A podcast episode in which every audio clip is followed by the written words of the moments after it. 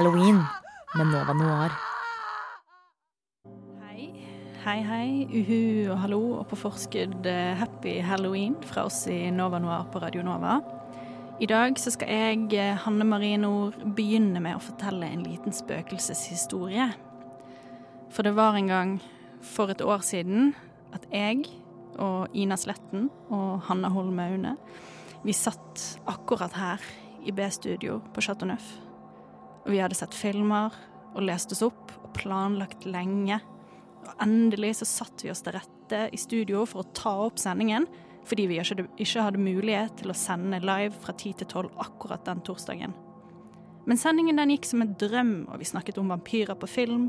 Og vi koste oss stort, og vi var fornøyde når vi etter to timer hadde skravlet oss ferdig. Helt til vi innså at noe skrekkelig og grusomt var hendt rett foran oss i studio, uten at noen av oss hadde merket noen verdens ting. Vi hadde glemt å trykke på start på opptaket. Ikke et eneste ord av det vi hadde sagt, var blitt tatt opp eller sendt ut til våre lyttere. Så derfor så sitter vi her i dag og prøver en gang til. Uh, hei, Ina. Hei, Hanna. Hallo, hallo. Vi skal også ta fatt på den forsvunne vampyrsendingen på nytt. Uh, og snakke oss gjennom vampyrer på film uh, sin historie. Helt fra den spede begynnelse og frem til i dag, egentlig. Men eh, ja, før vi går inn på sånn blodsugere og sånn, så tenkte jeg bare å høre hvordan går det med dere, og hva har dere sett siden sist? Nei, altså, jeg er jo litt, eh, litt shaky eh, etter at som denne sendingen ikke ble noe av i fjor. Så hvem vet hva som kan skje i år? Mm. Dun, dun, dun. Mm, men jeg har jo vært forkjøla eh, forrige uke. Uh, og da når jeg syntes synd på meg selv uh, Heldigvis ikke noe korona på meg. Ble testet uh, og fikk negativ, eh, negativ svar. Um, men da tenkte jeg å, jeg vil se på noe som jeg ikke har sett på på veldig lenge. Så jeg satte på This Is England, um, som er en, da, en, en film fra uh, 2004, tror jeg. Uh, som da handler om en liten kid som egentlig ikke har noe tilhør tilhørighet noe sted. Uh, og den liksom, skjer på 80-tallet i England. da. Og han blir da med i Prøver å ha venner, kule venner. Så han eh, blir med i en slags sånn skinhead-gruppe. men med, med egentlig bare punkere, da. At de liksom er litt edgy, på en måte. Og det er det da den begynner veldig hyggelig. Av at sånn, eh, Den første sånn, tre kvarterene er at han liksom kommer med gjengen, og de liksom klipper håret hans og gir han eh, Dr. Martens og ny skjorte, og det er veldig bra musikk, og du får liksom masse klipp fra um, England på 80-tallet.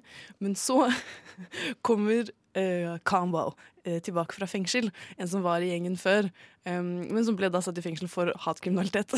Ja, ikke sant. og er absolutt nynazist. Um, og så blir det da en splits i gruppa. Uh, av, liksom, sånn, og han er jo en lite, liten kid, han vet ikke hva han driver med. Sean. Eh, så han er veldig forvirra over sånn Faren døde i krig. Han vil liksom stå opp for han. Så han vet ikke hvilken side han skal stå på. Så forstår ikke hva nynazisme betyr. ikke sant? Så den blir bare jævlig mørk. men det som er, er at eh, jeg visste ikke det før jeg så den, men det er blitt en serie etterpå. Eh, så finnes tre sesonger. Eh, This is England 86, 88 og 90-tallet.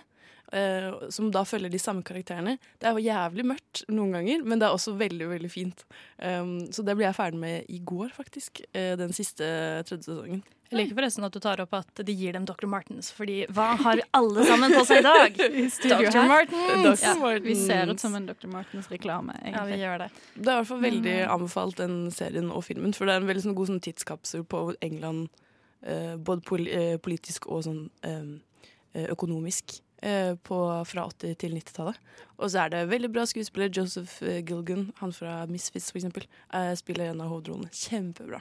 Jeg husker at vi så filmen på, i engelsken på videregående, tror jeg. Ja. Men jeg husker liksom ikke så mye av den. Men det er sånn som er med alle filmer jeg så på skolen, føler jeg. Har Ja. bare slettet fra minnet.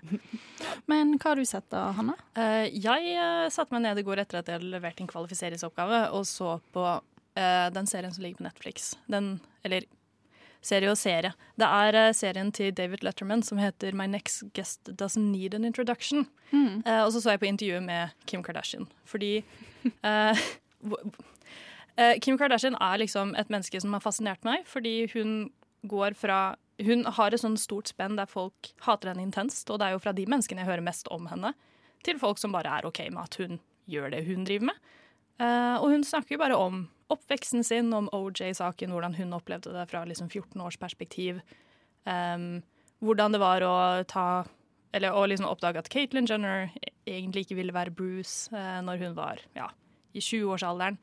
Og snakker om både de krevende tingene i livet hennes, men også de gode tingene. Uh, og det som er veldig fint, er at det blir ikke noe vitsing om henne på bekostning av henne fra David Letterman. Han er veldig flink på å gjøre gjesten sin komfortabel. Og jeg følte at jeg fikk se liksom et lite innblikk av den personen som, um, som Kim Kardashian egentlig har lyst til å bli uh, gjenkjent for. da. Så jeg følte jeg fikk se en annen side fra henne, fordi man da hører mest fra de som hater henne. Jeg liker hun veldig godt. Jeg er veldig Kardashian-forkjemper på, på noen ting. Eh, meg veldig, de må legge seg flat veldig mye. Hun er jo litt hardt vær nå pga. Hun hadde jo 40, hun fylte jo 40 forrige helg. Og så er det jo blitt en meme, det at hun skrev på Twitter sånn Å, men dette har vi planlagt lenge, og jeg har tatt mine My closest circle to an island where we can like pretend things are normal. Og så har folk liksom klippet inn bilder fra Jurassic Park og sånn. så det er jo liksom, det er veldig beleilig at hun har kommet med denne David Letman-spesialen, og samtidig fucker det litt opp Ja. koronamessig. Det, jeg har også sett en meme der hun sa sånn der Oh, I understand that not everyone can go to their private islands right now. um, oh, men folk er jo folk, da. Men fikk du mer respekt for henne etter den? Jeg gjorde det. Uh, jeg har jo sett mer på egentlig hele denne Kardashian-familien som en helhet de siste årene. Fordi jeg ble uh, litt sånn satt ut av at uh, alt jeg hørte om de var liksom, ah, de er plastikk, de er dritt, de gjør alt for penger, de er kjent for å være kjent, hva faen er de egentlig? Så det første jeg begynte med, var å følge dem på Instagram for å egentlig sjekke hva er det de gjør, hva er det de legger ut. Og det er jo reklamering, men hva faen er det du forventer da når du følger en så stor kjendis på Instagram? Det er jo reklame uansett. Så jeg skjønner ikke hvorfor det skal bli holdt til en Eller at det, liksom, det hun gjør, er verre enn hva alle andre driver med. Eh, så jeg vil si ja, jeg har fått en respekt for henne, fordi hun har jo gått gjennom utrolig mye kjipt, men klarer liksom fremdeles å holde sitt sted i spotlightet, da. Kult. Hva med deg, Hanne? Har du sett noe fett? Ja, altså um, Nå hopper jeg litt fordi det er en stund siden jeg har vært i studio her, så jeg tar ikke forrige uke for så vidt. Men jeg var jo på filmfestivalen i Bergen her eh, for litt siden. Um, og så mye forskjellig bra film, men jeg vil egentlig trekke fram det som kanskje var den favoritten jeg så, som en film som heter Baby Teeth. Som handler om en eh, ung jente som har en kreftdiagnose. Og så møter hun en, en god del eldre fyr som er liksom sånn, ja, kastet ut hjemmefra, drug dealer-type, og forelsker seg i han. Og så må foreldrene være sånn eh, hun har ikke så lenge å leve, skal vi la hun leve ut fordi hun forelsker seg i denne fyren som vi absolutt ikke liker, men hun rekker kanskje ikke å forelske seg i en annen før hun dør. Som var en veldig sånn interessant eh, problematikk, da. Og veldig fin og morsom film, faktisk. For det er hun fra Sharp Objects, er det ikke det? Jo, det er Eliza Scanlon, som også spilte hun yngste i Little Women. Og, og i den The Eh, Devil All The Time som Ja, kom ja, ja. ja. Mm, hun, er, hun er jo et stjerneskudd. Hun er kjempeflink. Så den var skikkelig fin. Og så er jeg også i forberedelse til at jeg skal på filmfestivalen i Tromsø i januar, så har jeg sett en annen film som også handler om en syk ungdom og familieforhold. Så er det bare vært litt sånn eh, mye syke ungdom. Jeg vet ikke om det er en trend eller hva, men det var to veldig forskjellige filmer, da. Men det er jo, det er jo da filmer, de som kommer nå, er jo de filmene som ble laget i fjor. Så dette er jo på en måte Ja, det er litt interessant, egentlig. At hvis det var en trend At man de for- forutså at det skulle bli en trend, på en måte, at flere tenkte at det var aktuelt. Det, ja, men Det, det, kanskje det kommer litt fra The Fault in Our Stars og den om cystisk fibrose som kom for ja, to år siden. At Ja. man ser at det er en populær eh, Ja, fordi, det er jo sikkert fordi at det er så jævlig vondt. At du vet at folk blir engasjert i det. Liksom sånn, Etter at jeg så Baby Teeth, så måtte jeg bare det var, Jeg har aldri snufset altså Det var virkelig ikke koronavennlig å sitte i den kinosalen, fordi alle bare satt og gråt og snørret, og det var så mye sånn derre sånn, Sorry, men det var liksom Det var soundtracket, i hvert fall siste halvdel av den filmen. Både liksom sånn fine ting og triste ting. Og etter filmen var ferdig, så måtte jeg bare gå på do og sitte på, inne på den båsen og liksom rygge fram og tilbake og skjerpe meg litt, fordi det var bare sånn litt sånn emosjonelt overveldende med en så på en måte fin og morsom, men også veldig trist film. Så hvis man har sjanse til å se den Nå vet jeg hvor, jeg tror ikke den er tilgjengelig noe sted, eller den kom, jeg vet ikke om den kommer på kino engang, Den er alltid tilgjengelig et sted. ja, Baby Teeth, eh, se den. Og så kan jeg komme med tips om andre eh, filmer om syke barn uh, i januar. Få en egen spalte. ja. Men eh, OK, nå er det vel egentlig på tide at vi dykker inn i dagens tema, vampyrer. Men først en liten låt.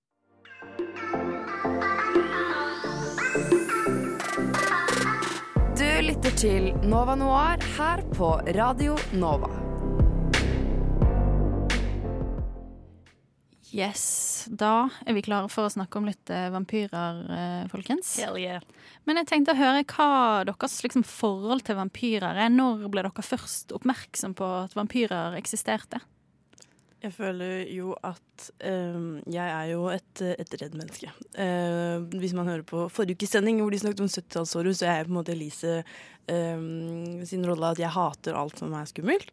Ehm, så jeg alltid syns det var veldig fascinerende at jeg er så glad i vampyrer, fordi det er veldig motstridende, egentlig. Men jeg tror at ehm, Jeg tror jeg ble ganske ehm, tidlig bundet av det, sånn som de fleste på min alder. eh, og sikkert dere kan relatere òg, gjennom Twilight. At det liksom falt inn fra blå himmel og tok meg med storm. eh, og jeg leste alle bøkene slavisk. Og etter det så har det bare bygd seg på en sånn at jeg så da alle filmer som handler om vampyrer, og jeg leste masse om vampyrer. Um, og da etter hvert så ble det heller et sånt um, fascinasjon av at jeg syns det er veldig kult hvordan vi har kommet fram til vampyrer i seg selv. Sånn at det liksom begynte som en sånn Ja, det skal vi snakke mer om etterpå, men at hvordan de sånn har gått fra å være et, um, en skummel historie du fortalte, eller en måte du forklarte rare fenomener med kroppen, til at i dag er det en, en fetisj, på en måte. um, Ja. Og det, det det er litt mest det, da. Men det begynte nok jeg med, med Twilight. Kan du relatere, Hanna? Jeg kan nok relatere meg på uh, at jeg på en måte ble med på vampyrbølgen ved Twilight. Men jeg husker jo at jeg så um, Når jeg var liten, så så jeg veldig mange filmer fra sånn 70-80-tallet med pappa. Og jeg husker én film, jeg er veldig usikker på hvilken det var, men den var veldig blodig og handlet da om Det var en slags Dracula, uten at man sa at det var Dracula. Um, som var fra 70-80-tallet, da. Um, og den var bare jævlig blodig. Og jeg var litt sånn Hvorfor vil noen se på det her? Eh, og jeg er ikke redd for skrekk, men jeg blir veldig satt ut av eh, Jo gory, eller jo mer gory det er, jo mer blir jeg bare ukomfortabel. Ja, Og det var blod og gørr overalt, og istedenfor å bare drikke blod, så drev denne vampyren og spiste opp denne personen, og det, det ble litt drøyt, da. Men eh, når jeg så Twilight, så var jeg litt sånn Denne kan jeg leve med. Ja. Dette var litt hyggeligere. ja. Nei, det var, det var nok det, med Twilight min virkelige vampyrfascinasjon også oppsto. Jeg, jeg ble helt sånn, jeg husker jeg var på kino og så den. Det var en venninne som hadde lest boken. og bare var sånn, bli med og se denne. Jeg visste ingenting om det. Og jeg ble helt, jeg ble helt sånn der det, dette var den beste filmen jeg noen gang hadde sett. Jeg var så liksom sånn wow. Og jeg tror til, Jeg så den to ganger på kino, og det gjorde jeg veldig sjeldent back then. Og jeg tror det er en viss fare for at til dags dato er det den filmen jeg har sett flest ganger. Oi. Og det bare fordi at det var en periode der hvor jeg var helt sånn obsessed. Mm. Og bare kjøpte på DVD og så den igjen og igjen. Og liksom var sånn der fetteren min som bare var litt sånn der Veldig sånn fotballfyr. Var sånn, Hva faen er det der greiene? Så var jeg sånn, Vi kan se den sammen. Jeg kan, du må se hva det er for noe. Det, det er greit at du, ikke du liker den, men du må vite hva du snakker om. liksom. Bare sånn en unnskyldning til å se den en gang til. du hater den, altså! Du må bare se den. Ja, ja. Helt sykt. Um, men så tror jeg også vi deler den felles greien, Ina, at vi var jo emo back in the day. Det var jeg òg. Ja, Jeg vil også jo, være det- inkludert. greit, greit. Um, Hadde du grønt hår? Nei, men jeg fikk det senere. um, ja. Jeg fikk ikke lov til å farge håret, så jeg hadde heller ikke Nei, jeg fikk ikke heller. Men vi kan, vi kan føle oss sånn samlet i en gjeng med vaskebjørn-eyeliner, føler jeg. Yep. Eh, og der fikk man jo også en introduksjon til vampyrer gjennom musikk, og kanskje da spesifikt My Chemical Romance. Ja. Oh, ja. Som veldig sånn synger om Altså Førsteplaten er jo sånn monsterkonsept, på en måte, hvor det handler om blant annet vampyrer. Eh, og sånne holdt på å si, monstrøse ting. Ja, for det er jo, jeg tror eh, I den første platen så handler det liksom om at eh, Gerard, eh, eller hovedsangeren, han eh, er liksom en vampyr. Og forteller Alle sangene er liksom sentrert rundt at han er en vampyr. og, og jeg døde av det. Han var det, det flotteste mennesket Ah, som fantes ja. i verden. Og eh, Gjett om jeg har lest mye Michael Gromans fanfiction som har med vampyrer å gjøre. Jättemånga vampyrfanfiction jeg har lest! Å, gud, malla. Og det er liksom det, da. Jeg, nå er jo Twilight også en fanfiction, eh, men eh, Er det ikke det? Nei, det er blitt Nei. mye Nei, da- fanfiction nei, av Det er Twilight. det, ja, for det er det Fifty Shades er en fanfiction-type av Ja, eh, Twilight. stemmer, Mm. stemmer. Aha! Ja, nei, uansett. Uh, Ja. Twilight var liksom en, en liten sånn Det var den lille gnisten, på en måte, men jeg tror jeg hadde endt opp i vampyrverden uansett av, av eh, generell interesse. Ja. Og det er jo også kjent at eh, Stephanie Meyer, som skrev Twilight-bøkene, hørte mye på annet My Chemical Romance mens hun skrev. det? Ja, brukte det som en, liksom en slags inspirasjon. Og, spurt, og de prøvde å få My Chemical Romance til å lage musikk til soundtracket til Twilight, og de bare nei, nei, nei. Å. Dette er ikke vår type vampyrer. Og seinere på Danger Days-albumet så lagde jo My Chemical, My Chemical Romance en låt som heter Vampire Money, Ja. som handler om at de bare nei, vi skal ikke ha noe av de der Vampire Money. Så det er også interessant at det er sånne steile fronter da, på hva en vampyr er. Skal de være sexy, eller skal de være skumle? Og det skal Kan vi det ikke være begge, da? vi får se. vi får se. Det er jo noe av det vi skal dykke inn i. Men først så må vi jo nesten høre eh, My Chemical Romance med 'Vampires Will Never Hurt You'. Du hører på Nova Noir. Film er best på radio. Yes, Men da, folkens um, Da må vi nesten se litt på hva, hva er egentlig en vampyr? Ja, det er jo en, eh, en, en kald jævel som eh, liker å drikke litt blod, da. Han Ja. bor i et eh, slott. Gjør han ikke? Ja, altså det Men hvem er han? Ja, hvem er han? Det er mange, det er mange Ja. tolkninger. Nei, Nosferatu, Dracula Ja, altså i fjor, eh, når vi forberedte oss til første gangen vi skulle prøve å ha denne sendingen her, så leste jo jeg eh, Dracula eh, av Bram Stoker. Den på en måte Det som på en måte er blitt eh, the OG-vampyr på mange måter. eh, utgitt i 1897. Og der beskrives Dracula som høy og gammel og glattbarbert utenom en lang, hvit bart. Han er kledd i svart uten en eneste flekk med farge. Han har bra engelsk, men rar aksent fordi han er fra Transylvania i Romania. Han er så sterk at når han håndhilser på en mann, så får man vondt. Og han er i tillegg iskald. Han har merkelig skarpe tenner, han har ikke speilbilde. Og han har hår i håndflatene. Nice. Um, og det føler jeg Sistnevnte der har, vi nok, har jeg aldri sett på film, tror jeg. Men resten av de er jo blitt brukt om hverandre litt her, litt der. Det er litt det samme som sånn eh, Det er jo for at han skal klatre på vegger og sånt, men jeg føler at eh, Spiderman, eh, den første Spiderman-filmen med han Toby McCo Maguire, ja, Mm. der vokser det jo sånn små hår ut av hendene hans, så han kan klatre på veggen. Ja, så kanskje Toby Maguire Er Spiderman er en vampyr?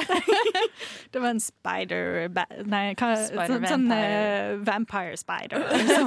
Liksom.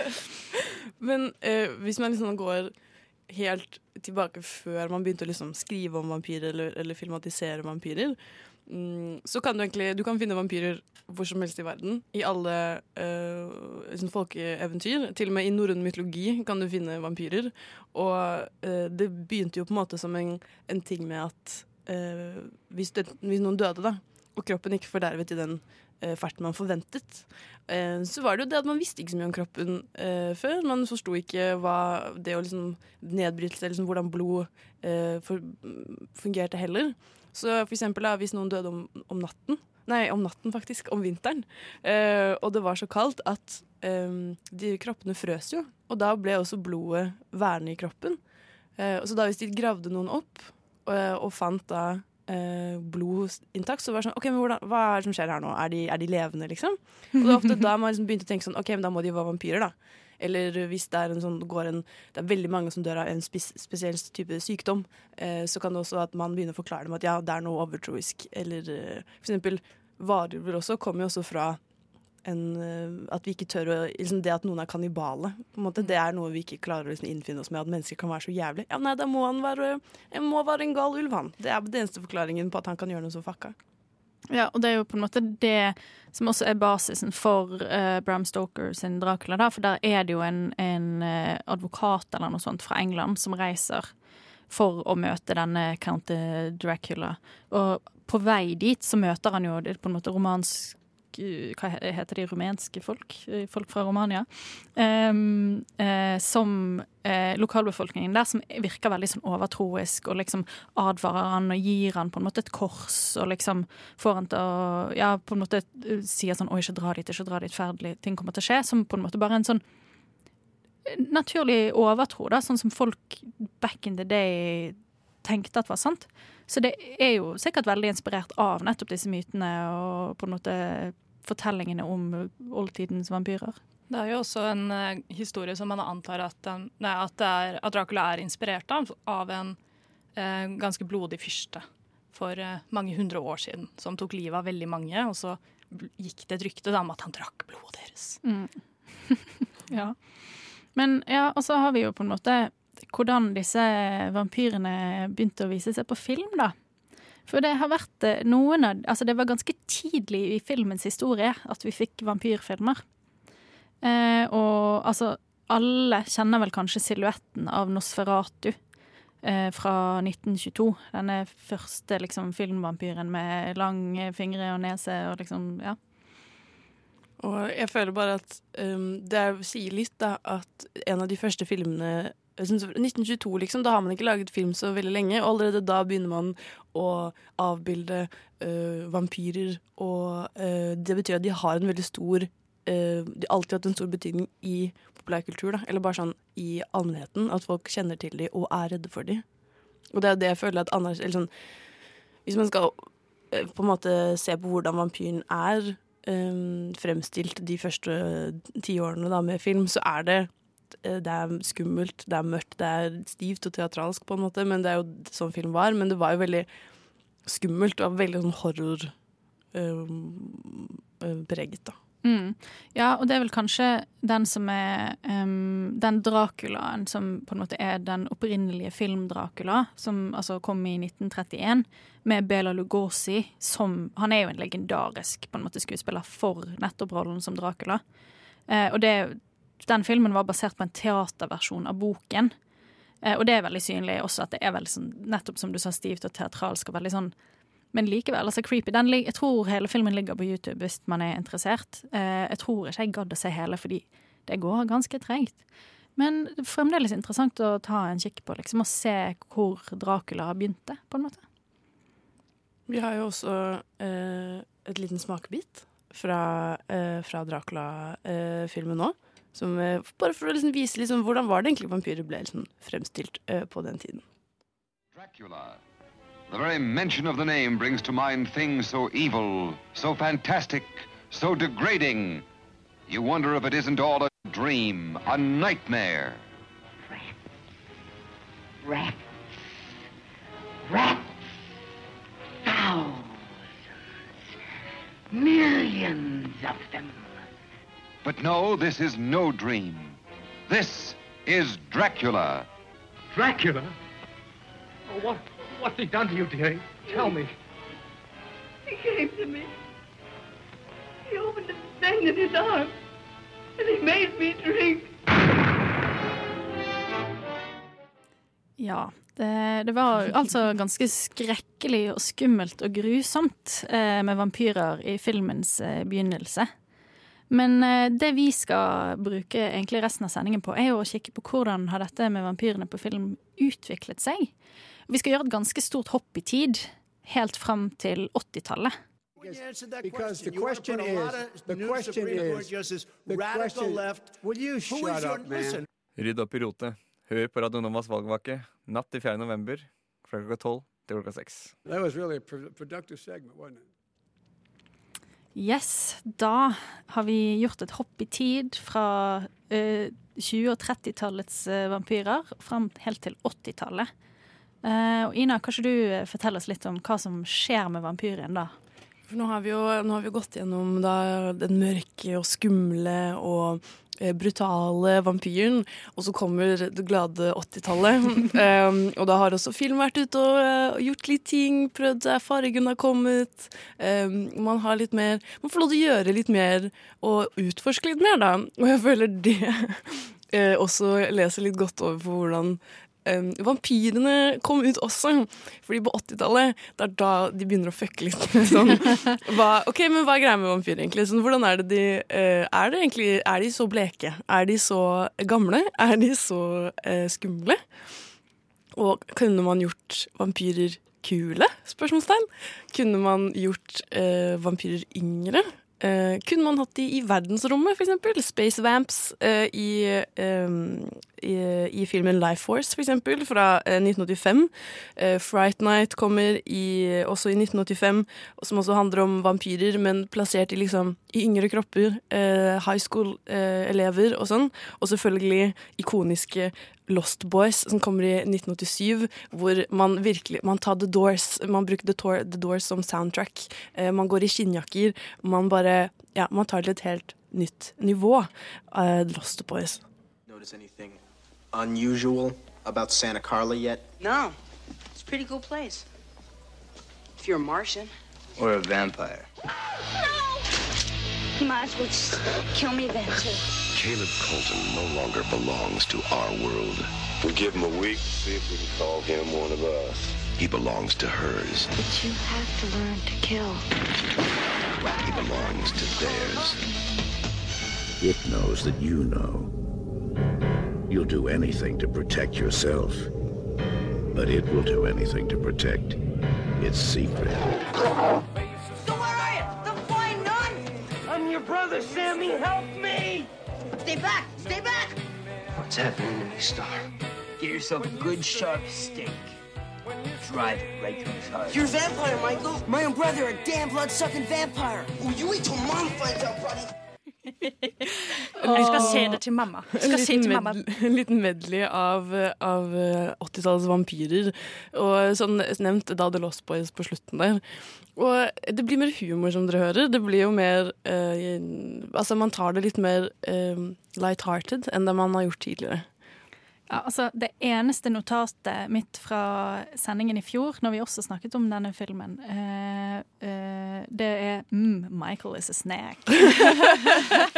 uh, fordi at det handler jo om disse to guttene som flytter til hva var det, Santa Monica, eller noe i den duren. Og så blir han eldstebroren Han ser en digg dame og følger, ja, og følger litt etter henne, og blir da innblandet med de lokale edgy, punkete vampyrene. Og blir liksom Ja, blir han en vampyr eller ikke? Uh, og ja, Michael er ganske hot. jeg forstår det at jeg føler at uh, de har liksom sett at vampyrer har vært der siden tidenes morgen, og så prøver de da å gjøre det med mainstream og forme det etter markedet.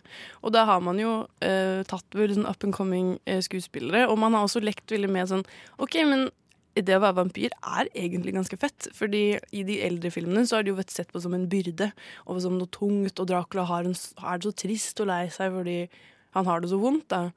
Um, og nå er det sånn Ja, men du kan fly. Mm. Det kan i hvert fall de The Lost Boys. Da. Man kan jo vurdere fra film til film hva de forskjellige vampyrene kan. Du kan fly. Du er ung for alltid.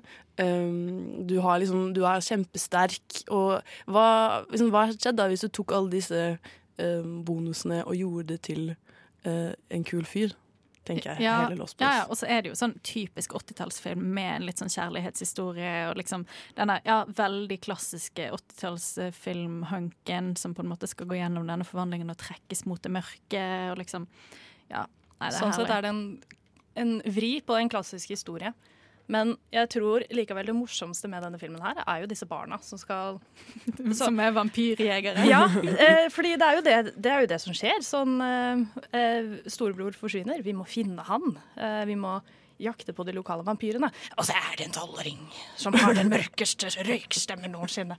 Og det er bare, den effekten er sånn Ja, hvis du er en 28 år gammel mann, kanskje. Men når du er en 15 år gammel gutt, så kan du kanskje la være, eller? Men de vampyrene i, um, i um, The Lost Boys, de har jo veldig sånn um, De har huggtenner, de har kontaktlinser, de ser liksom ut som en veldig sånn typisk Henger opp ned når de sover og sånn. Men så i 1987 så kommer um, Near Dark, som er en Catherine Bigelow-film, uh, som også handler om vampyrer. Men de igjen da har nesten ingenting som um, ser ut som vampyrer. De, du kan se huggtenner kanskje én gang i løpet av filmen. Og, men dette er mer sånn postapokalyptisk, og det er også fortsatt yngre mennesker. Det er jo unge voksne som spiller hovedkarakterene, så det er jo på en måte for å treffe publikum der òg. Men en helt annen måte å håndtere det på. Den er mye mer brutal igjen, da, men samtidig eh, spiller ikke på noen av de tropene som man vanligvis ser på vampyrer. Da. Så det var jo på en måte en sånn eksperimenterende fase av sånn Vi bare prøver litt forskjellige ting, og så ser vi hva som funker. Ja, for jeg føler det er det som er litt greien med Lost Boys også, at de prøver på så Hvor mange ulike måter kan vi drepe en vampyr på? Og liksom sånn leker med hva som er reglene for hvordan man blir vampyr. Og sånn Michael blir jo halvveis vampyr. Liksom sånn, han ser seg i speilet og ser han sånn litt sånn gjennomsiktig, sånn spøkelsesaktig. Så han er ikke helt blitt vampyr. Så det er liksom ikke en irreversibel prosess. Det er ikke bare å bli bitt, så er du det. Så det er liksom interessant at de bare OK, ja, men nå bare Nå ser vi Nå bøyer vi disse reglene og det vi vet om vampyrer for å lage en interessant film, da. Jeg tror den hovedtingen som de har tatt med seg videre, som de ikke har endra i The Lost Boys, er jo at disse vampyrene fortsatt er i en sånn hule sånn ved kysten.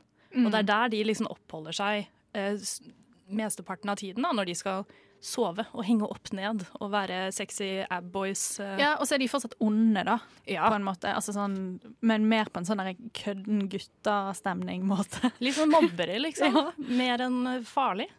Men så har du fortsatt lyst til å være venn med dem, på en måte. Ja. De er de der kule folka på videregående hvor det var sånn Jeg skulle ønske dere aksepterte meg inn i gjengen deres, ja. men jeg er, jeg er, ikke der. Og så i tillegg er de vampyrer, liksom. mm. Hvor fett er ikke det? De kan fly. Så jeg vil være en del av gjengen. Jeg skjønner godt at Michael har lyst til å være med i den gjengen. Ja. Sånn egentlig. Ja, nei, Konklusjonen er vel egentlig at 80-tallsvampyrer er ganske fete. Ja, og i hvert fall, De er veldig markant i forhold til hvordan eller en god forklaring til hvordan vampyrer endte opp der der er i dag. da. Ja, liksom... De begynte med det her, på en måte. Begynte mm. det skiftet. Og endringen er vel kanskje enda større når vi kommer til 90-tallet, som vi skal snakke om om litt. Du Du Du hø hører på, på Radio Nova. Yes, da er vi på 90-tallet. Og nå gikk vi over en ny eksperimentell fase. Eh, fordi på 80-tallet sånn som du sa, Ina, så spurte vi kan vampyrer være kule. Og på 90-tallet begynte vi å stille spørsmålet men, men er de egentlig sexy? så hvor sexy kan en vampyr være? Eh, og det er jo eh, et tema som også har gått over i en nåværende tid, uh, som vi skal snakke mer om seinere. At denne mystikken er ikke det som egentlig gjør at de er litt, litt sexy. Doesn't it tingle a bit når du ser disse menneskene? Eh, og en ganske sentral film fra 90-tallet som beskriver denne overgangen her, da, er 'Interview with the Vampire' fra 1994. So you want me to tell you the story of my life? I'll tell you my story. I'll tell you all of it. I've come to answer your prayers. Life has no meaning anymore, does it? But what if I could give it back to you? Pluck out the pain and give you another life. One you could never imagine.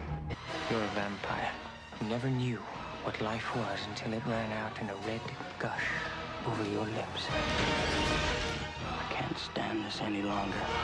You made us what we are, didn't you? God kills indiscriminately, and so shall we. Ai, ai, ai. Veldig dype, sensuelle stemmer fra mm. Tom Cruise og Brad Pitt. Vi må egentlig bare starte med å si at Har du ikke sett denne filmen, så må du se den. Det er en veldig surrealistisk opplevelse i seg selv. Um, og det spesielt med tanke på liksom sånn uh, Dette her er jo da menn som uh, har vært vampyrer siden Brad Pitt har jo da vært vampyr siden 1800-tallet, og Tom Cruise har jo vært vampyr enda lenger. Jeg vet ikke om vi får et tall på det.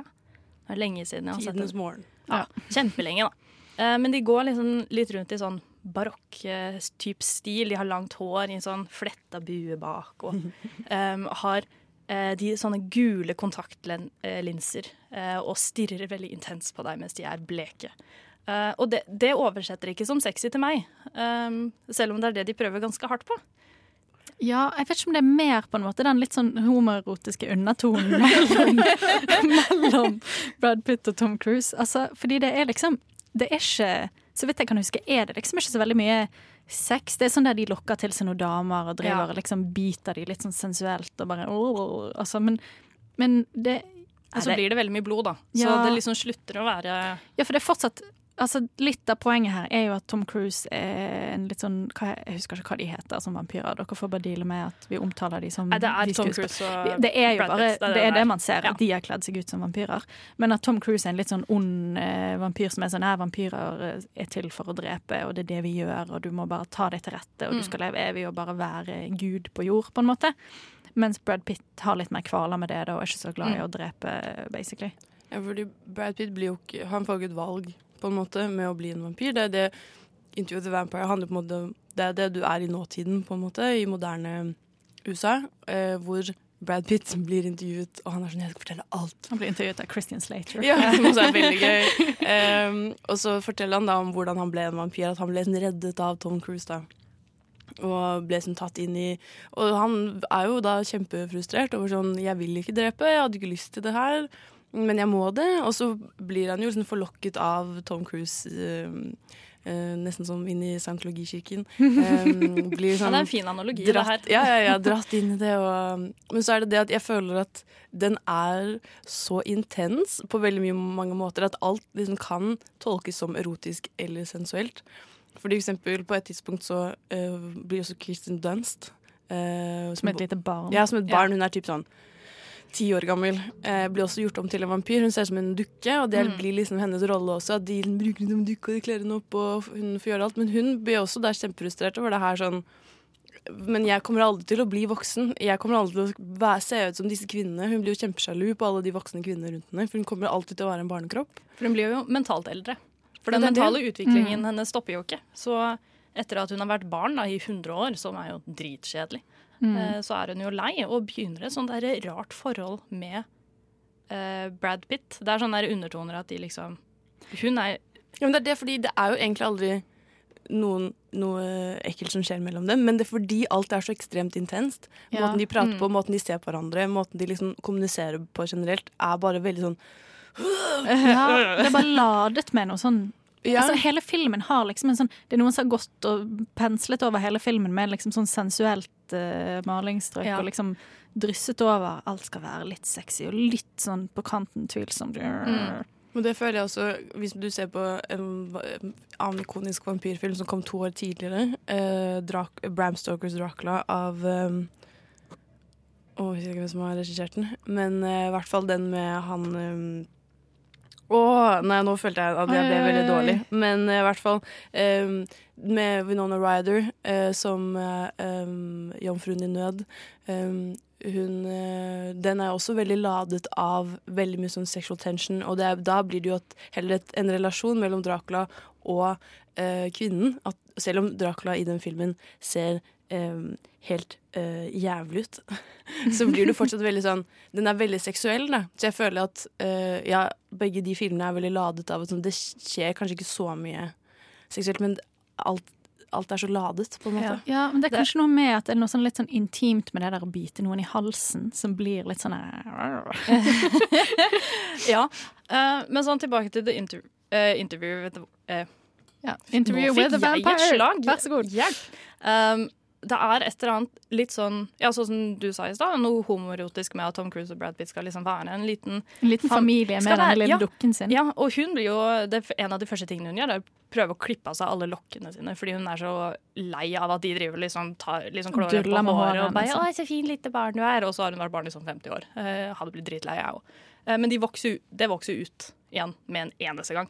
Så det er en sånn ond sirkel av uansett hva du gjør, så kommer du deg ikke ut av det. Mm.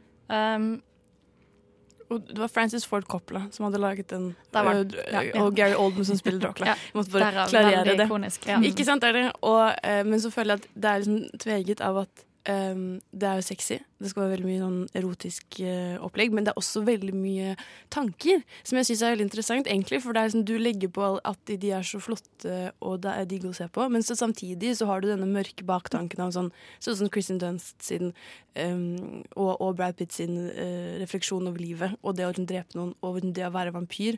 Uh, det skjer også i, i, i Coppola sin Dracula også, at det er veldig mye sånn tanker om dette å være vampyr. da. Ja, de tar opp liksom dette her litt etiske. Ja. Men jeg føler også at det er jo noe annet på 90-tallet vi er nødt til å snakke om. Eh, apropos vampyrer, og det er jo Buffy the Vampire Slayer. Ja. For det kom jo først en film i 1992. Eh, og så kom serien som gikk fra 97 til 2003, som er jo liksom Ja, det er Joss Whedon, og det er på en måte den sykt store suksessen, da. Og der er det jo på en måte både de ekle vampyrene, for der skal jo selvfølgelig vampyrer drepes, så de er onde, og Buffy må steike de så de blir til støv. Men så allerede i piloten så blir jo Angel introdusert. Og Buffy beskriver han som dark, gorgeous in an annoying sort of way. Og så er det jo selvfølgelig dette forholdet som utvikler seg mellom de, da, fordi at han er en vampyr med sjel. Så han har liksom samvittighet og går rundt og har det vondt fordi han har drept så mange i livet sitt. Og liksom han har et sånt curse som gjør at han skal liksom lide i all evighet da, over alle de grusomme vampyrtingene han har gjort. Så her kommer det her etiske opp igjen, da. Ja. Fordi sånn som Ja, det er jo flere filmene som tar opp uh, Har du valgt å bli vampyr, eller blir du tvunget til det? Mm. Uh, det er jo også et tema som går igjen i senere filmer også. Uh, om Du er på en måte stuck i denne loopen at hvis du ikke dreper på dine bekostninger, så blir du jo gæren. Og utseendemessig så er jo også disse vampyrene på 90-tallet mye mer lignende eh, ekte mennesker også. Eh, det er mye blod, f.eks. i 'Interview of the Vampire', når Tom Cruise blir blir stabbet, så kommer det blod, og du kan se tydelige blodårer, blodårer overalt. Mens, og der bruker de jo kister, f.eks., men ikke staker. Da kan du ikke bli drept i brystet av en stake. Mens i Dracula, Coppola sin Dracula, så er det jo veldig strengt igjen i forhold til hva boka, den originale boka mente. Eksempel at Dracula kan ikke dra sove i noe annet enn sin egen jord. Så han må liksom ha med seg jord fra hjemlandet. Hvis han skal for til London, da, så måtte han ha med seg en kiste full av jord, Mm. for ellers kan han ikke. Da dør han. Så det, den er mye strengere eller rigide på sånn, de tradisjonelle øh, oppfatningene av vampyrer. Da, igjen. Ja. Mens i Buffy, så lenge du liksom har malt vinduene på bilen svart, så det bare kommer litt sollys inn, så kan vampyrene kjøre bil på dagtid også. det er liksom Åh, ja. Nei, det skjedde mye rart på 90-tallet, men fellestrekket er vel egentlig at det ble litt mer sensuelt. Eh, og det er jo en fin oppladning til når vi skal snakke om 2000-tallet om litt. Du lytter til Nova Noir på Radio Nova. Yes, da er vi kommet frem til 2000-tallet, og skal vi bare hoppe rett til 2008? Når eh, den første Twilight-filmen kom. Jeg syns det. det, er det. Er ikke det det eneste som teller her, da? Ja, det er i hvert fall definisjonen av sexy vampires, eh, for å si det mildt. After 18 years of being utterly ordinary, I finally felt I could shine. I was born to be a vampire. So beautiful. We're the same temperature now. I didn't expect you to seem so. you? I have to report a crime. The Collins, they've done something terrible. It's my daughter. The Volturi think Renesmee is an immortal child. She was born, not bitten. She grows every single day. I have to report a crime. Ja, dette, var vel, eh, dette var vel fra siste filmen eller to. Um, Hørtes sånn ut. Etter at det har blitt litt uh, pulings uh, på og Edward. Etter uh, ja, at de første tre-fire filmene handlet om Kan vi please ligge sammen? Det er jo Ja. egentlig det Twilight handler om. Så vi kan jo vi kan hoppe til første film, da. Vi Ja. har Bella, Little Special Snowflake fra Arizona, flytter til eh, en liten by i Washington-delstaten. Forks. Forks, Washington.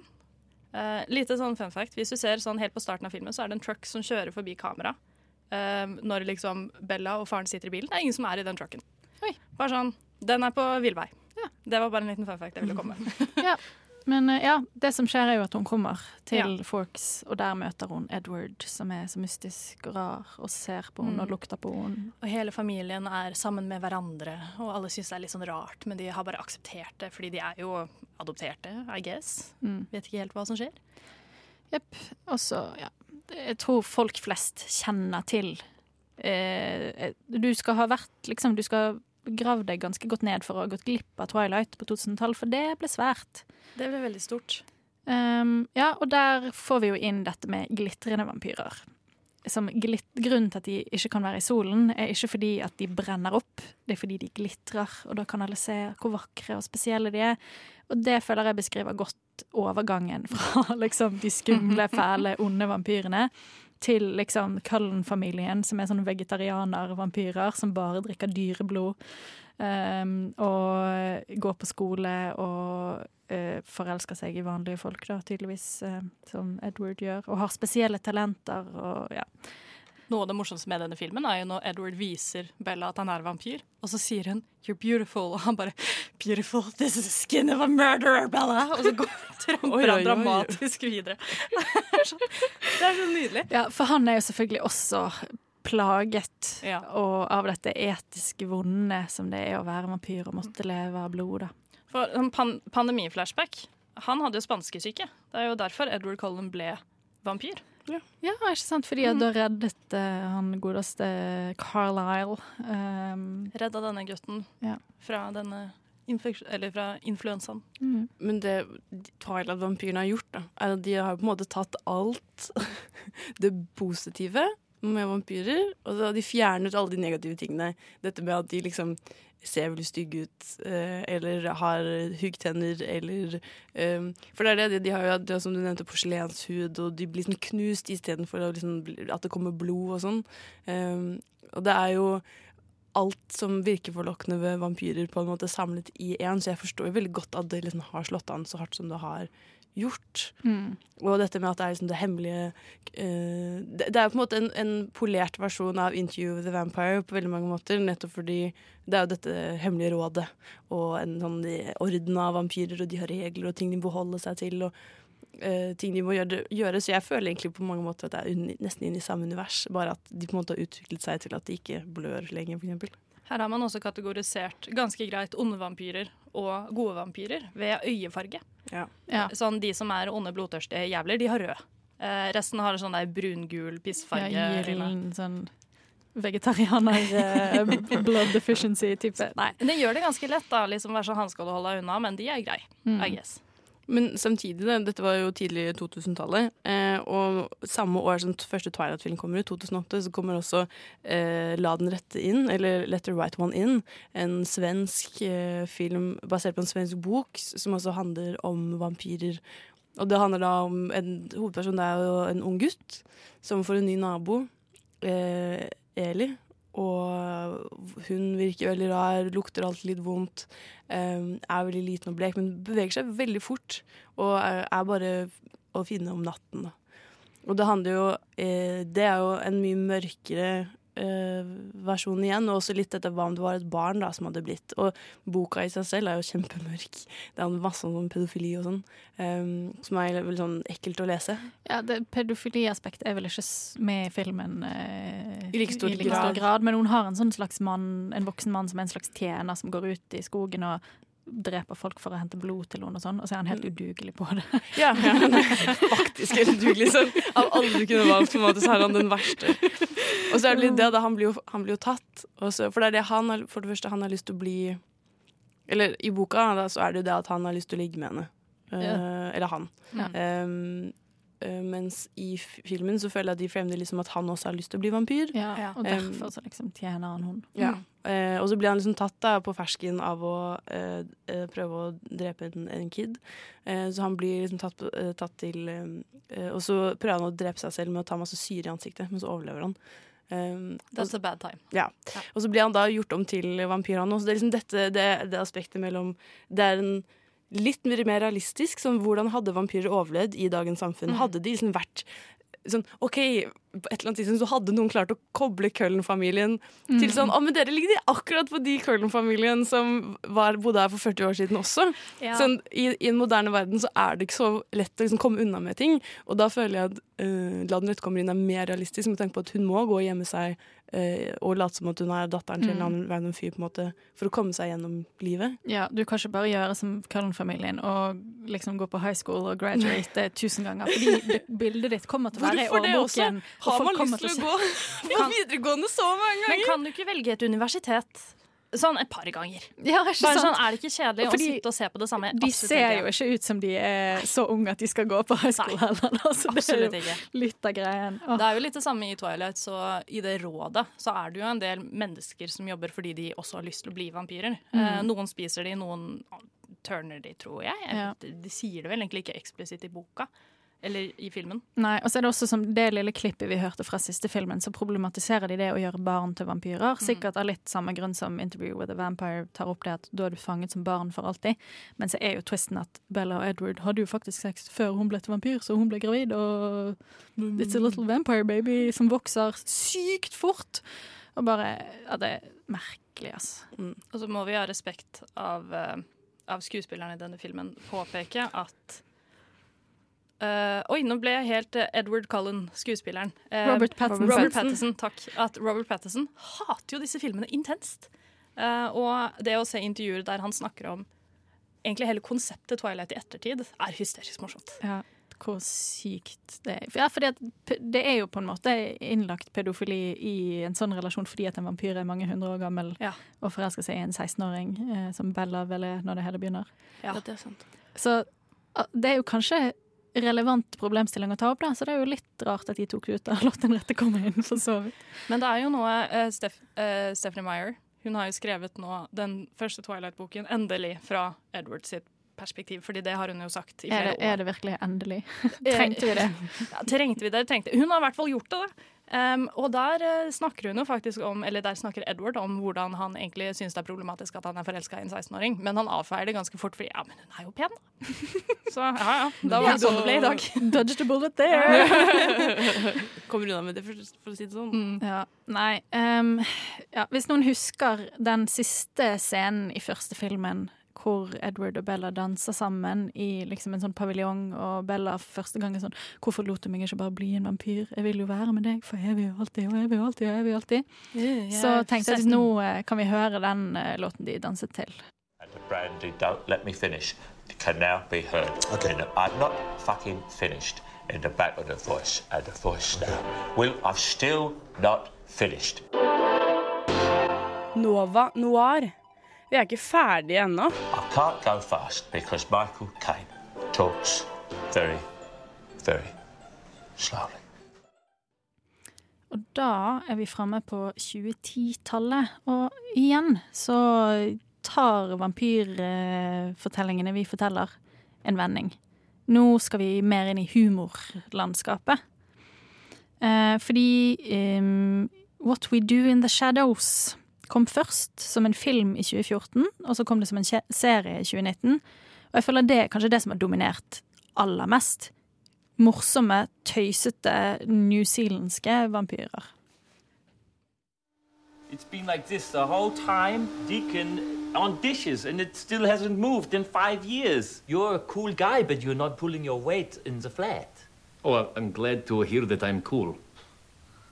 No, that's not the point, though. Yeah, You're missing no, I the know. Not point. a I know. flat meeting about how cool you are.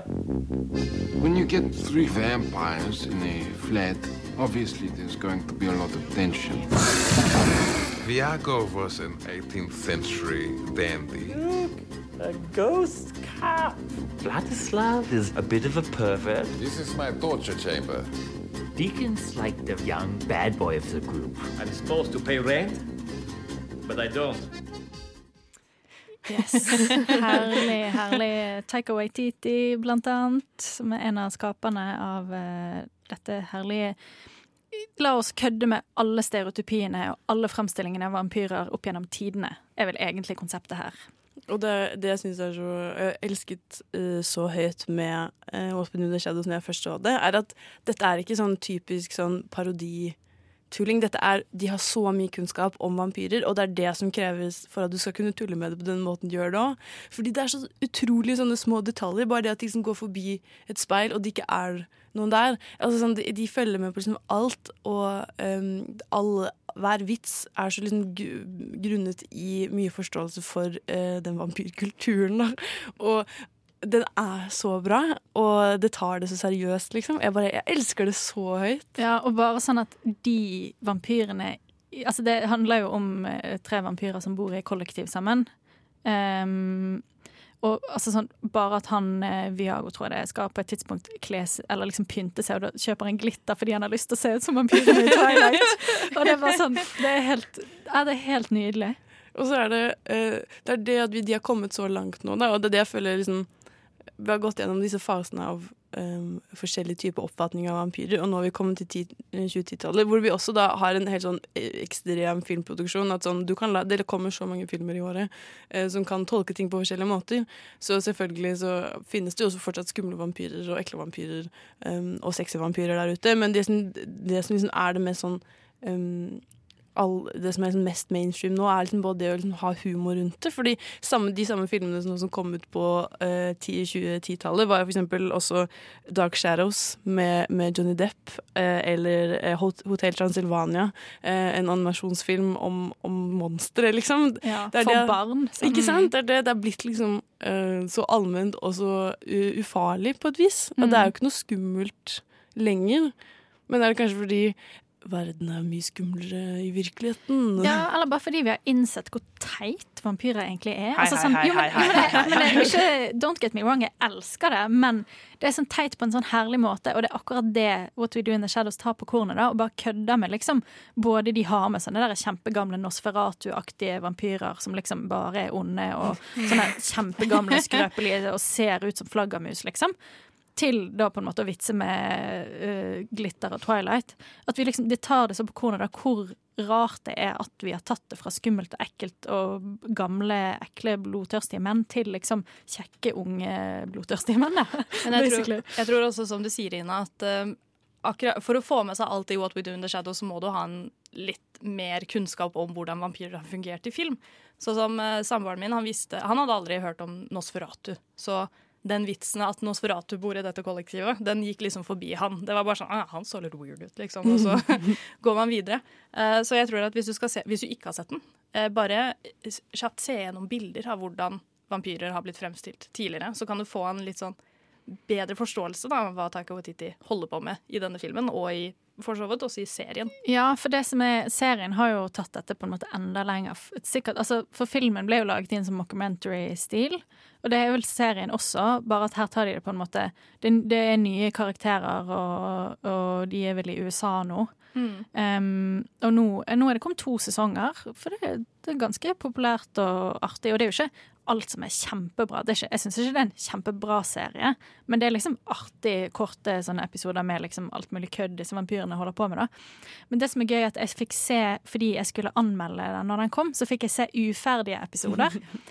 Hvor liksom ikke alle spesialeffektene var lagt inn. Og for eksempel sånn når vampyrene fløy eller gjorde seg om til flaggermus eller liksom kom seilende inn og ut av bildet, så hadde ikke de liksom photoshoppet eller liksom fjernet alle de der wirene de hang i, og liksom alt det utstyret og sånn.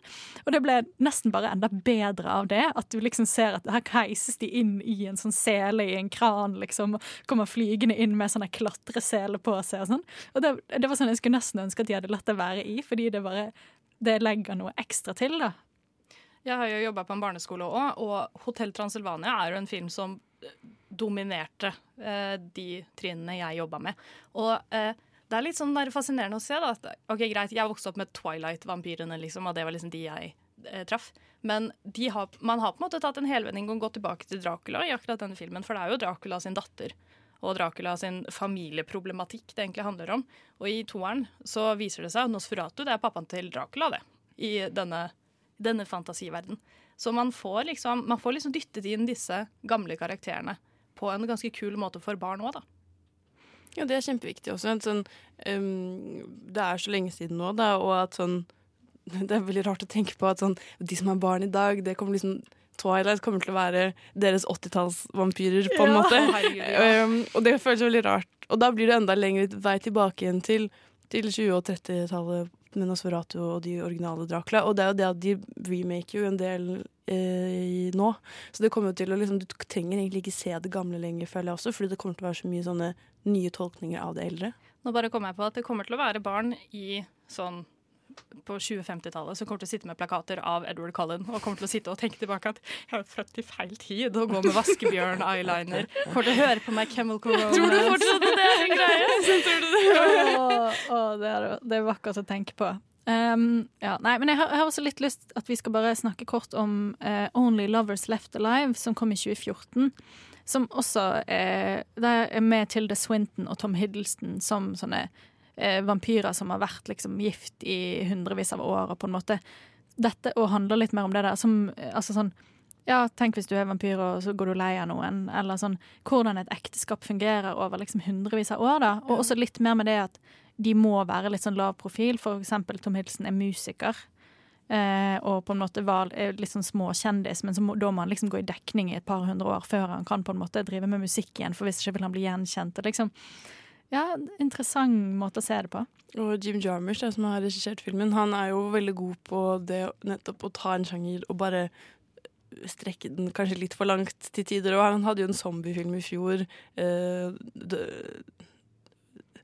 The Dead Don't Die, for Mm. eksempel. Og det er også sånn, han bare tar eh, disse konseptene, og så bare gjør han det ekstremt motsatte av det du forventer. Og det er det jeg føler det On, On the Levis Left Alive også liksom, gjør, at det er en utrolig utradisjonell um, vampyrfilm. Og det, folk er sinte på den, liksom. Folk hater den. Ja, altså, sånn som jeg husker den, så skjer det ingenting. Absolutt ingenting. Det er bare Tilda Swinton som lounger rundt i leiligheten og drikker blod fra vinglass og venter Mm. på Tom Hiddleston og surrer de rundt og er litt sånn krangler litt og Ja, har Tom sex Hiddleston litt. som ligger og i liksom- sengen og, og, Er og leier seg. Men det tar jo opp det der temaet som Twilight ikke rekker å ta opp, og det er hva om du går jævlig lei den du liksom skal ha i evigheten med, da. Så tenk om eh, Edward og Bella liksom skiller seg Ja, etter 300 Kanskje år. Dette, de er, gjøre da? kanskje dette er Edward og Bella noen hundre år fram i tid. på en måte. Dritlei av hverandre. Ja, han er jo musiker, han òg. Ja, spiller piano i hvert fall. Ja, han kan bli bedre. Han har jo all tiden i verden på å øve. Ja, det er sant. Men sånn, på et tidspunkt så må det være sånn Hva er det jeg egentlig ikke kan? Ja, hva er det jeg skal finne på nå?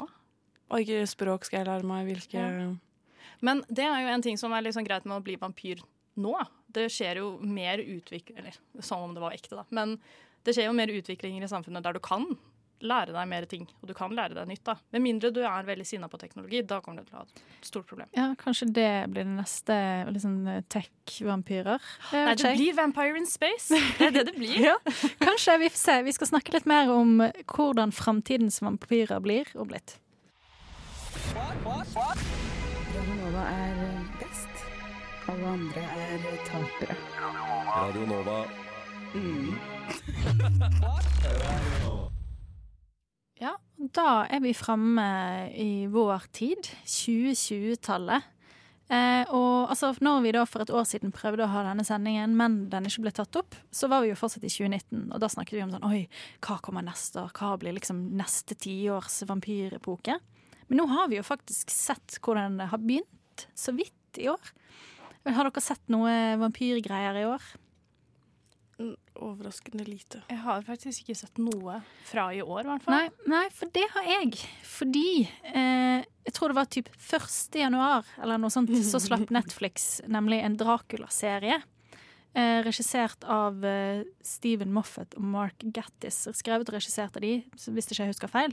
Og det er jo de som har laget Sherlock. Benedict Ja. Cumberbatch-Sherlock-serien. Eh, og det var jo basically Dracula i Sherlock-stil. Um, Likte du den, da? Nei, ikke noe særlig. Um, fordi det, for, det er den korte versjonen. Men det, for der var det litt sånn Jeg var ikke helt sikker på hva de prøvde på, for det var sykt mye sånn gore. Det var veldig blodig. Helt sånn Mm. vanvittig og veldig sånn derre Og um, For det handler da Det er jo på en måte basert på den Bram Stoker-Draculaen i bunnen, da, eller sånn i starten tenker man Mm. det det, for da er det en nonne som liksom intervjuer en fyr som har un unnslippet fra Dracula. da. Og sånn, hans negler sånn råtner og faller ut, og de filmer det veldig tett på. Det er veldig sånn ekkelt og skittent og gory og sånn. Og så, så dukker da denne danske Jeg tror han heter Claes Bang, han skuespilleren, opp. som spiller Dracula. Og så blir han Han begynner som en veldig sånn Nosferatu-aktig fyr, men når han drikker blod fra en ung mann, så blir han yngre, mens mannen han drikker blod av, blir gammel. Sorry, det tror jeg er en spoiler, men eh, drit i, det er ikke så gøy å se. Altså. Eh, Jeg har bare sett første episoden av det, fordi det, det var ikke vits i. Det var såpass håpløst, ja. Men jeg tror bare det er tre episoder. Det var ganske lang. Men, okay. ja, og da begynner vi Og da blir han liksom litt sånn ung og kjekk og sensuell type, men så er han kjempeond. Og så eh, prøver han å få tak i en, han her som har rømt, eller noe sånt. Og det er liksom og- så skal det være litt sånn Fordi det er de som har skrevet Sherlock, så er liksom replikkvekslingene litt sånn samme stil. Litt sånn der quippy, litt sånn der frem og tilbake. Vi skal være litt artig i ordspill og sånn. Og tror dere ikke at på et tidspunkt så er det noen som sier I have a detective friend in London. Mm. Og så, og så er det sånn. Skyt meg. Unnskyld. Vet du hva? Jeg blir så sint når serieskapere refererer til sine egne ting. Altså, Det syns ikke er greit. Så, Men, så så det var en dårlig start på 2020-tallet, hvis du spør meg, da. Og det var veldig sånn bl en blanding av liksom eh, hvordan eh, vampyrene skulle være. der. Fordi de bare OK, de ville åpenbart bort fra at det var sexy å gjøre det så ekkelt som mulig. mm. Men samtidig er det litt sånn der sexual innuendos. Og sånn hun nonnen spør sånn Did you have sexual intercourse with Dracula? Og så er det sånn Hvorfor er det relevant? Jeg kom på at jeg har jo sett noe med vampyrer, og det er eh, Lovecraft County. Der refererer de til noe vampyr-ish-esk type ting. Ja, jeg, jeg har sett hele, og jeg Det er tror kanskje ikke, det er noen vampyrer. der. Det er kanskje Nei. ikke vampyrer. Ja, Nærme nok, da. Ja, Er det ikke? Det, det er mye monstergreier. Ja. Så Det er det, litt sånn er vanskelig å vampyrer, er jo rart. Det er litt sånn vanskelig å skille. Altså, det, er, det er noen av karakterene der som har vampyr, sånn klassiske vampyrtrekk. At de er veldig bleke og har litt sånn rar ja. øyenfarge og er litt sånn creepy og er mest ute på natta. Og Fordi på grunn av uh, korona så har jo typ alt av innhold TV-messig blitt satt på vent. Uh, så selv om veldig mye av det vi liksom så fram til i 2020, i 2019, uh, er jo fortsatt uvisst når det kommer. For eksempel så skal jo Marvel komme med en Morbius The Living Vampire-film Eh, oh, med- med Jared Leto. Oh. Eh, og så er jo André Øvredal skal jo angivelig lage en The Last Voyage of Demeter, som også handler om eh, vampyrer. Og så er vi jo i reboot-land for Ja. tiden, Mhm. så typ Og alt skal bli serier. Så eh, Into the Vampire skal bli en serie. The Lost Boys skal bli en serie. Buffy skal bli en ny serie. en liten reboot der. Altså sånn, hva, hvor, Hvorfor må vi gjøre det samme på nytt og på nytt? Altså, Er det en sånn nostalgitripp, Ja. eller er Ja. det at vi er gått tom? Nå har vi vært fra at vampyrer har vært ekle, de har vært kule, de har vært sexy, de har vært teite og morsomme. Er vi da tom? Vi kan ikke stoppe her.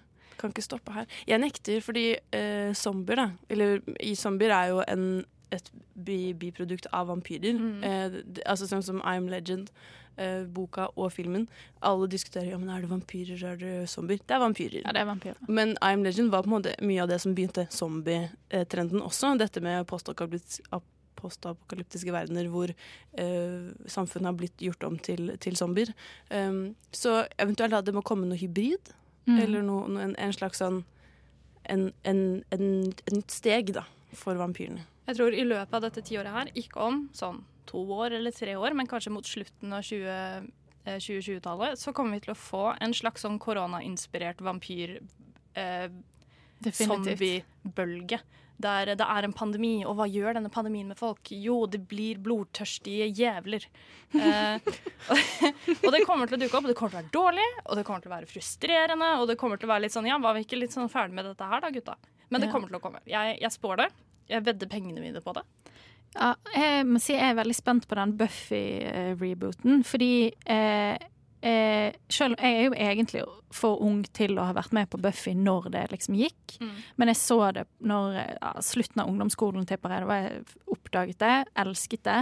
Nå har jeg sett, eh, sett meg gjennom det nest, halvveis for andre gang, liksom. Syns det er kjempegøy. Sånn, det er jo teit og på en måte 90-tallsdårlig, men det er jo gøy.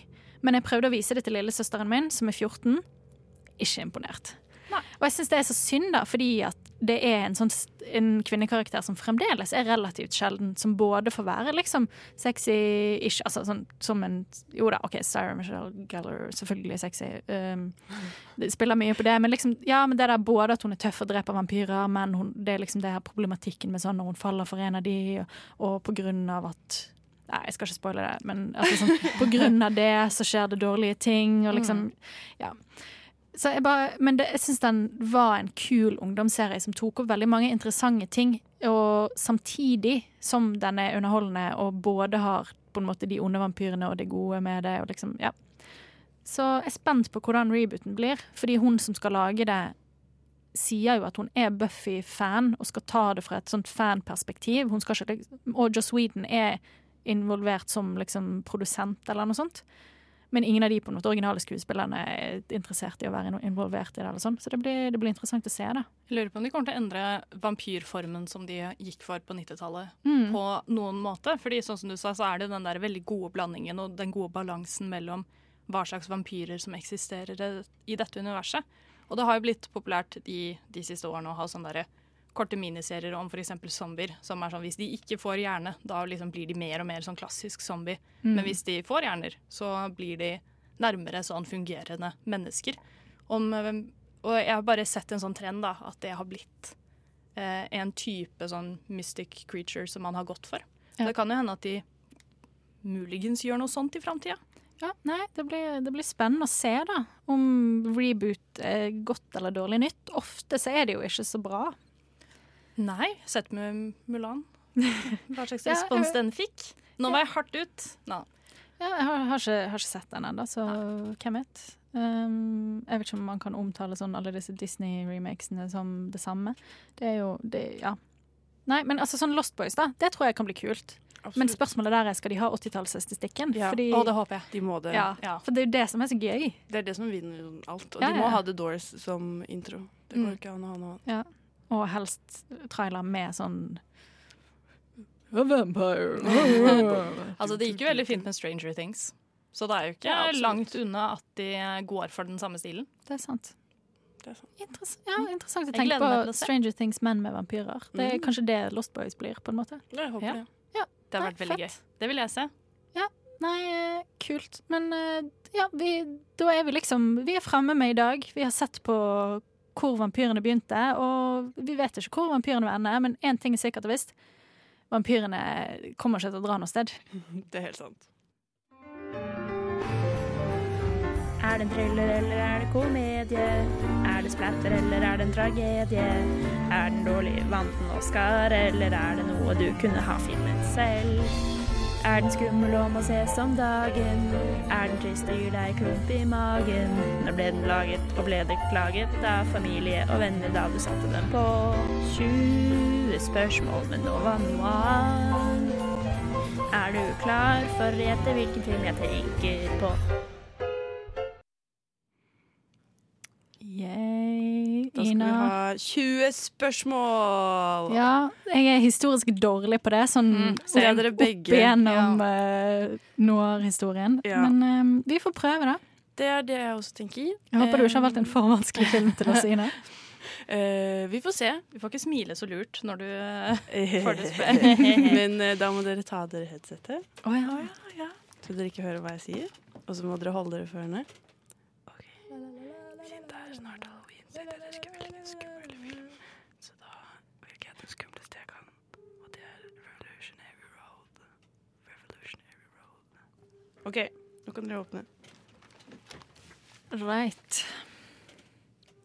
Um, ja, da tenker jeg vi bare druser på. Vi må jo nesten begynne. Handler den om vampyrer? Nei Oh no. Jeg tenkte på det, men eh, det, det, blir, det blir for lett. Det blir for lett. Åh, ja ja. Hva skal vi Nå må vi samarbeide, vi som er historisk dårlige på dette her. Ja. Um, Vi kan, jeg syns det blir for vagt å spørre om generell årstall. ja. Um, men sjanger Ja. kan begynne der. Ja. Er det en komedie? Nei. Er det skrekk? Skrekk-ish. Nei, man kan ikke kalle det skrekk. Men uh, noen kan sikkert det.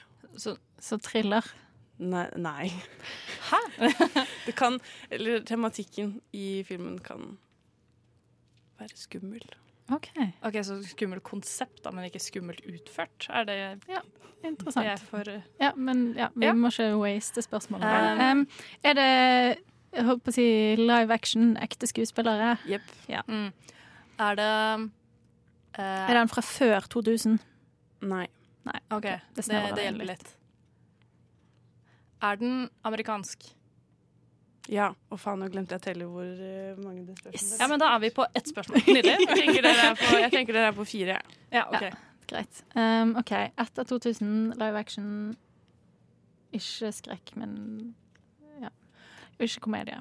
Drama, altså. Uh, skal vi spørre om det er fantasy-elementer? Sånn. Ja. Er det fantasy-elementer? Nei. Nei? Nei. OK. Er det basert på en sann historie? Mm, nei. Nei. Nei. Hmm, jeg føler ikke vi Har vi noen sånn spesifikke spørsmål vi kan komme med? Uh, Er det mannlig hovedrolle? Ja. mm, alle filmer i hele verden. Ja. Hvit middelaldrende mann. uh, er dette en film alle burde ha sett? Ja. Har han vunnet Oscar? Um, Ikke at jeg hjelper Nei, det hjelper egentlig. ikke meg heller. Dropp det, dropp det. Den har ikke det. Er den bra? Ja. OK. Ti um, spørsmål. Da er vi halvveis. um, ikke, ikke vunnet Oscar, men alle burde ha sett den. Vet du om vi har sett den? Mm, garantert. Ok. Mest sannsynlig. Ja. Okay. Hmm. Ja, men jeg vet, ikke, jeg vet ikke hva jeg skal spørre om engang. Hva med, Kan dere ikke spørre litt om hvem som er med, eller Ja, OK. ja. Mannlig hovedrolle. Ja. Er det liksom en superkjendis i hovedrollen? Ja. Ja. Er det Tom Cruise? Nei. Er det Brad Pitt? Nei! Um, er det Robert Pattinson? Nei. um, er det Robert Downey jr.? Nei. Nei. Um, nei. Vi kan ikke, vi kan Nei, vi kan ikke holde bruke på alle sånn. spørsmålene. på- Nei, nå har dere bare fem igjen. Går Ja. Um, er det en um, Tar den opp relevante samfunn Nei, det er ikke Nei, jeg har ikke spurt om noen ting! den gjorde det! Ja, Den gjør okay, det! Okay, okay. Handler det om et valg? Nei, Nei. dropp det. Ikke bruk opp Tre spørsmål. igjen! Unnskyld, OK, Hanne. Din, din tur. Ah, Ja, men vi trenger liksom okay, kan, jeg, kan jeg stille spørsmål som ikke telles? Nei. Faen. To spørsmål. Nei. Å, jeg er så dårlig på dette. Kom igjen, men uh, nå er dere snart ved veis ende uansett. Okay, eh, Er det Tom Hanks? Nei! Ikke bli frustrert! um, nei, det er fantasy-elementer. Er det um, Vi kommer ikke til å klare det. Handler det om en pandemi? Nei! Faen! Fire spørsmål, ett spørsmål igjen. Et spørsmål igjen. Du, du, du, Ina kan ikke telle. Ok, du, men- går, du går så lavt, Johanna, bare fordi du ikke klarer å gjette riktig film. Ja.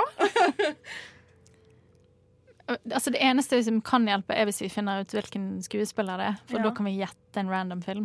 Mm. Hvem har vi Hvem uh. superkjendis um, Nei. Ni. Leonardo DiCaprio.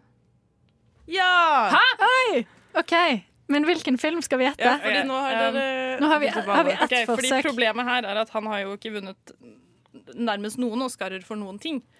Nei, men den hadde ikke vunnet Oscar. Nei, nei, nei, Nei, ikke nei. sant? Det er det det eneste vi kan utelukke, er The Revenant. Um, Um, The Great Gatsby, kanskje? um, Det tar jo opp samfunnsproblematikk.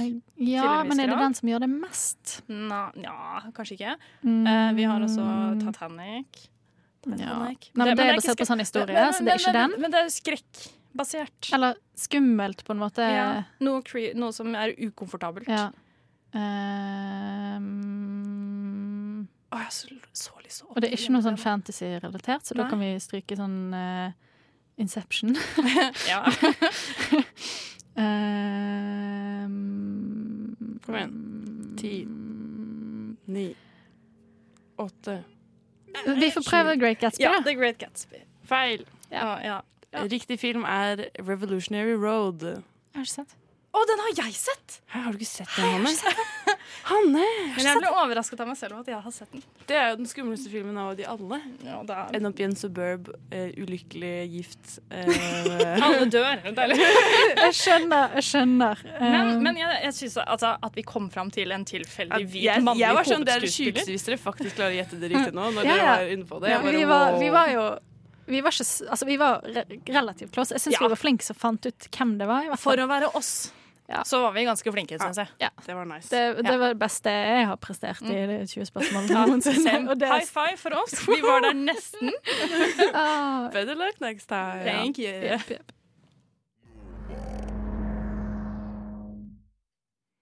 Jepp. Da er vi ved veis ende, folkens. Nå er vi også på lufta. Ja, det, altså det, denne gangen så ja, Vi var redd for at det var liksom et curse over denne vampyrsendingen. At en eller annen vampyr var on to oss og ikke ville at vi skulle oute de på radio. Ja, At vi på en eller annen måte hadde klart å legge inn tegn for å bevise at vampyrer faktisk eksisterer. Ja. Og så er det jo eh, Denne halloweenen blir jo veldig annerledes fra tidligere halloweener. Jeg eh, har jo for eksempel Jeg elsker jo kle meg. Jeg syns det er det, det flotteste i livet. Um, men i år så har jeg ikke kostyme, uh, nettopp fordi det blir ikke noe, noe fester, det blir ikke noe um, ut å gå. Men da er det enda viktigere at man bruker tiden på å se på filmer Mm. og koser seg. Og da har du eksempel alle disse vampyrfilmene vi har snakket om uh, i dag, eksempel, er jo uh, kjempegode alternativer. For å, i hvert fall for meg som ikke tåler at ting er så veldig gørrete og blodige og guggete og, og, og jump scary eh, etter, så er jo eh, vampyrer et veldig godt alternativ, i hvert fall. Ja, det er ganske mye vampyrete som ikke er så skummelt i den forstand. Altså, det er creepy, eh, og det kan være uhyggelig stemning. Men skummelt er det ikke. Men du kan også bare gå all, ut, all out og se på, på What We Do the Shadows. Ja. Hvis du bare har lyst på å kose deg, rett og slett. Men du er jo litt sånn Du er litt glad i sånne skumle filmer, Hanna. Jeg er litt glad i skumle filmer. Jeg er det. Skal du se på Eh, noe skummelt denne helgen? Vet du hva? Uh, jeg har bladd meg gjennom Netflix sin sånn halloween-kategori. Og jeg, tror egentlig at jeg har funnet ut at denne halloween så skal jeg se den klassiske halloween-filmen som vi snakket om forrige Eller sånn det ble snakket om forrige sending. Så jeg er litt usikker, men Hvilken da? Og den, og den originale Halloween-filmen. Jeg var sånn Hvilken? Hvilken? Den som heter Ja, Halloween. Jeg ble helt sånn Hva mener du, hvilken? Er det flere fra Nei, men eh, jeg har også nå veldig lyst til Twilight igjen. For det pleier jeg å gjøre med noen venner, og vi pleier å ha en drikkelek til det. Det er bare å søke opp. Kjempegøy. Um, så ja, kanskje det blir litt Twilightete denne, denne søndagen istedenfor.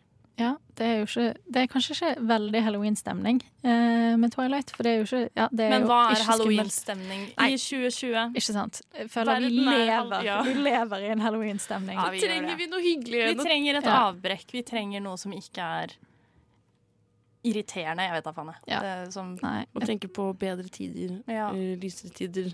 Back, way back when. Ja, det, ser dere også på filmer nå, og så sitter folk nærme hverandre, og så er det sånn Spre dere! Ja, nei, jeg tenker sånn Dette var før korona. Ja, sånn Hvis de er på fest og sånn, så blir jeg sånn ja. Jeg har sett Ja. filmer med parader, og jeg er sånn Dette der er ikke greit! Gjør det der! Og så må jeg huske på at denne filmen er fra 90-tallet, Hanna. Det går fint. Ingen kommer til å dø av det her.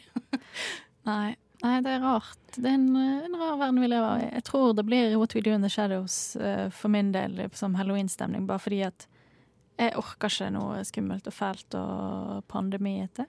Nei, og så føler jeg at jeg har liksom har det var mye vondt i This Is England denne uken. så jeg føler Det at holdt. jeg fortjener å, å kose meg litt. Ja. Det finnes en eh, På Disney Plus finnes det en vampyrfilm som heter 'Hjelp, min mor dater en vampyr'. Kanskje det er noe man skal se? Ai, ai, ai. Har du sett den? Nei. Men jeg, nå fikk, jeg kom på at den, den eksisterer, jo, så kanskje Ja. man skal se den på halloween. Festlig. Eller hvis ikke man har sjekket ut denne så som så uh, nyeste Dracula-serien på Netflix, så kan man jo se om man liker den bedre enn meg, men der er det en del gore. Uh, Ja. Så det må man være forberedt på. Ja, ikke sant. Så ja. Nei, det mm, Det, det, det, er en annerledes eh, halloween. Men vi klarte i hvert fall å få sendingen på luften i år. Og det er alt som betyr noe Ja. for denne halloween-sendingen. Yes. Nå, nå har vi endelig fått gått gjennom vampyrenes historie, Mm. og så kan vi gå videre inn i fremtiden og finne ut hvordan vampyrenes fremtid blir. Min vampyrsjel er nå renset. Jeg har fått en liten sånn Alt, alt jeg hadde lyst til å snakke om, har bare kommet ut. Veldig deilig. Jepp. Det har vært helt supert. Eh, takk. Takk for eh, en fin eh, sending, folkens. Takk for at dere hørte på. Det kommer en ny sending neste uke, torsdag 10-12. Eh, du finner oss også på podkast. Mitt navn er Hanne Marie Nord, og i studio har vi også hatt Ina Sletten på spakene. Ja. Og Hanna Holm Aune har sittet her Yes. og snakket. Vi ses eh, neste uke, da. Ja. Det gjør vi. Happy halloween, folkens. Watch out for the vampires. Hold avstand, bruk håndsprit. Og så videre, og så videre. Ha det bra. Ha det. Nova Noir gir deg filmnytt og anmeldelser. Torsdager fra 10 til 12. På Radio Nova.